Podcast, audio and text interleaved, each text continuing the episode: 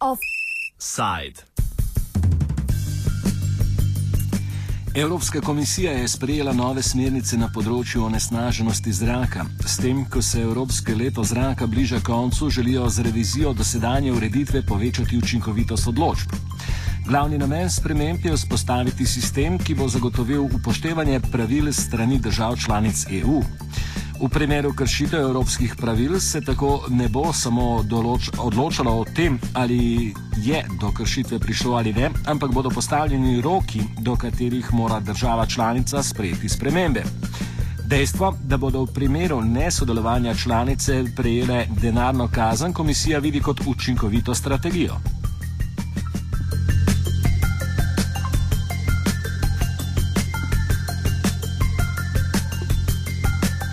Stroški onesnaženosti zraka se kažejo na različne načine, od direktnega vpliva na predelke, ki po ocenah znaša 23 milijard evrov na leto, do posledic za človekovo zdravje.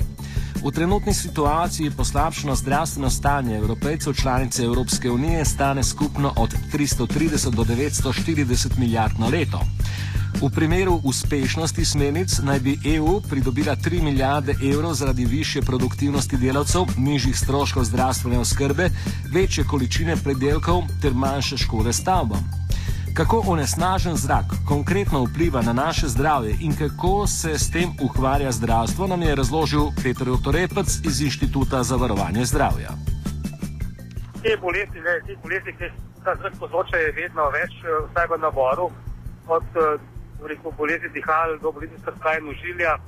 Potem se kaže tudi, da tudi povzročajo bolezni presnove, v smislu sladkorne bolezni tipa 2, potem bolezni živčev. Jaz so teorije, da te najmanjše delci povzročajo bolezni Parkinsona, Parkinsona, pa seveda, da tudi, tudi povzročajo delci pljučnega raka.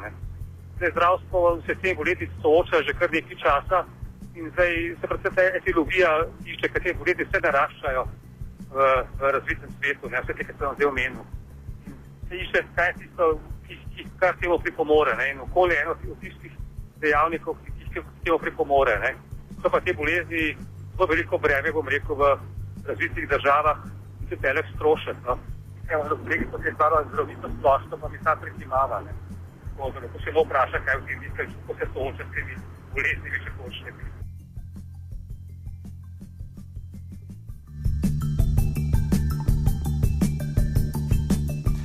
Komisija je znižala meje za dovoljeno onesnaženost zraka. Med drugim so v predpise vključili ne le omejevanje delcev PM10, ampak tudi manjših delcev PM2,5.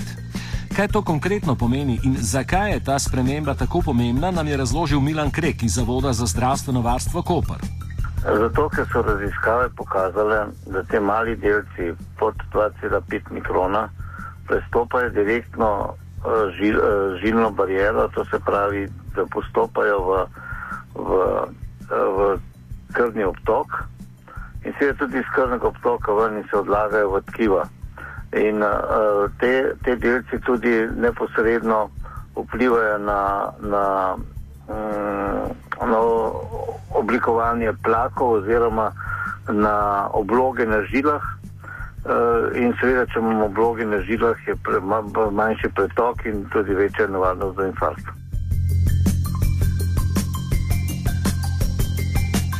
Problematika onesnaževanja zraka najbolj vpliva na prebivalce mest. Po letošnjih ocenah, ki jih je izdala Evropska okoljska agencija, je več kot 90 odstotkov evropskih meščanov izpostavljenih škodljivim koncentracijam delcev. Kako se izogniti negativnim vplivom onesnaževanja v mestih, kot je Ljubljana, smo vprašali Petra Otorepca. Problem je, da delci prodirajo tudi v zaprte prostore. Ne.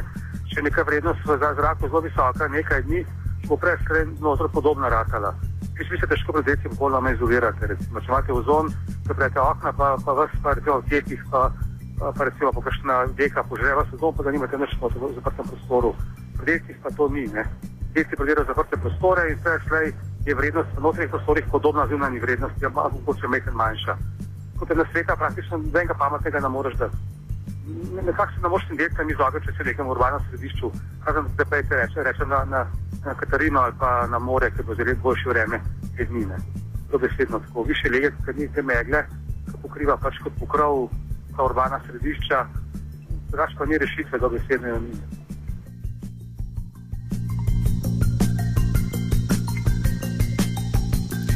Glede na to, da gre pri okoljevarstvenih temah na splošno za probleme, ki se širijo prek meja in vplivajo na svet globalno, Krek povdarja nujnost zavedanja skupnosti in medsebojne odvisnosti. Jaz lahko rečem to, ne, da bomo mogli ljudje zopet začeti razmišljati o skupnih problemih. Ne. Čeprav smo danes živimo v družbi, ki vsak skrbi za svoje probleme in jih skuša rešiti na tak ali pa drugačen način bo treba razumeti počasi, da imamo nekaj skupnih problemov, ki jih bo treba tudi skupaj reševati. Eno od teh so, so te delci, potem je pitna voda, potem so podnebne spremembe. To so trije problemi, ki zadevajo vsakega od nas, pa nekako pozabljamo na njih vsakodnevno in se samo ob kakšnih praznikih ali ob kakšni direktivi na ne spomnimo. Dejansko smo pa vsak dan njim pod, uh, podvrženi in že tudi delajo škodo v bistvu ljudem.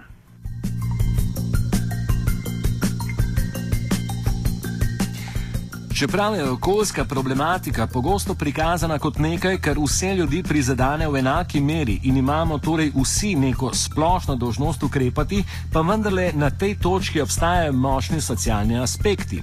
V globalnem pogledu namreč obstajajo velikanske razlike v zmožnostih ljudi, da v praksi delujejo proti onesnaževanju, saj je marsikje delovanje, ki je morda sprejeto kot neekološko, nujno za preživetje.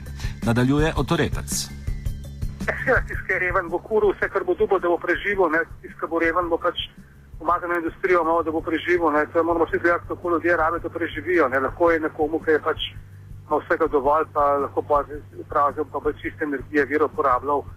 Vse, če so dražji, se ni problema. Ne. Če pa nekdo socialno pa ogrožen, pa jasno bo pač šel na to golo preživetje. Te, te gozdove kurijo v, v Braziliji, ne, pač se to kravijo zemljo, se več obdelujejo, ne, pa, pa to se gori tam okrog je res nekak socialni problem, ni samo nek okoljski, ne se inkrat pravi, da ta sociala pa okolje, se tisto, da najpomembnejša problema človeštva, ki sta med sabo neodvisna. Ne. Da, mislim, gledajte, človeštvo mora v to smerjati, teh čistih goriv, tudi te kakšna preprosta beseda, ne, potem omejevanje vseh teh virov, kako pa to dosežete, je pa drug problem. Ne.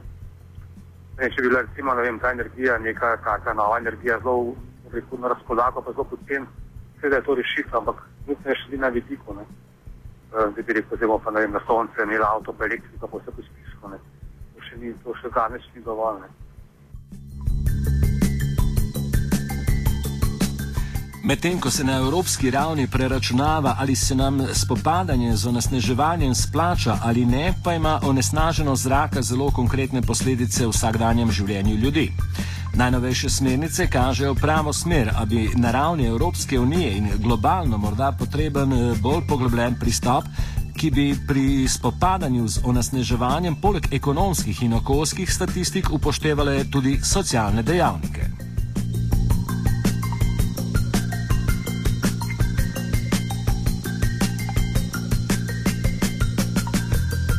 Offside je pripravila vajenka Zala.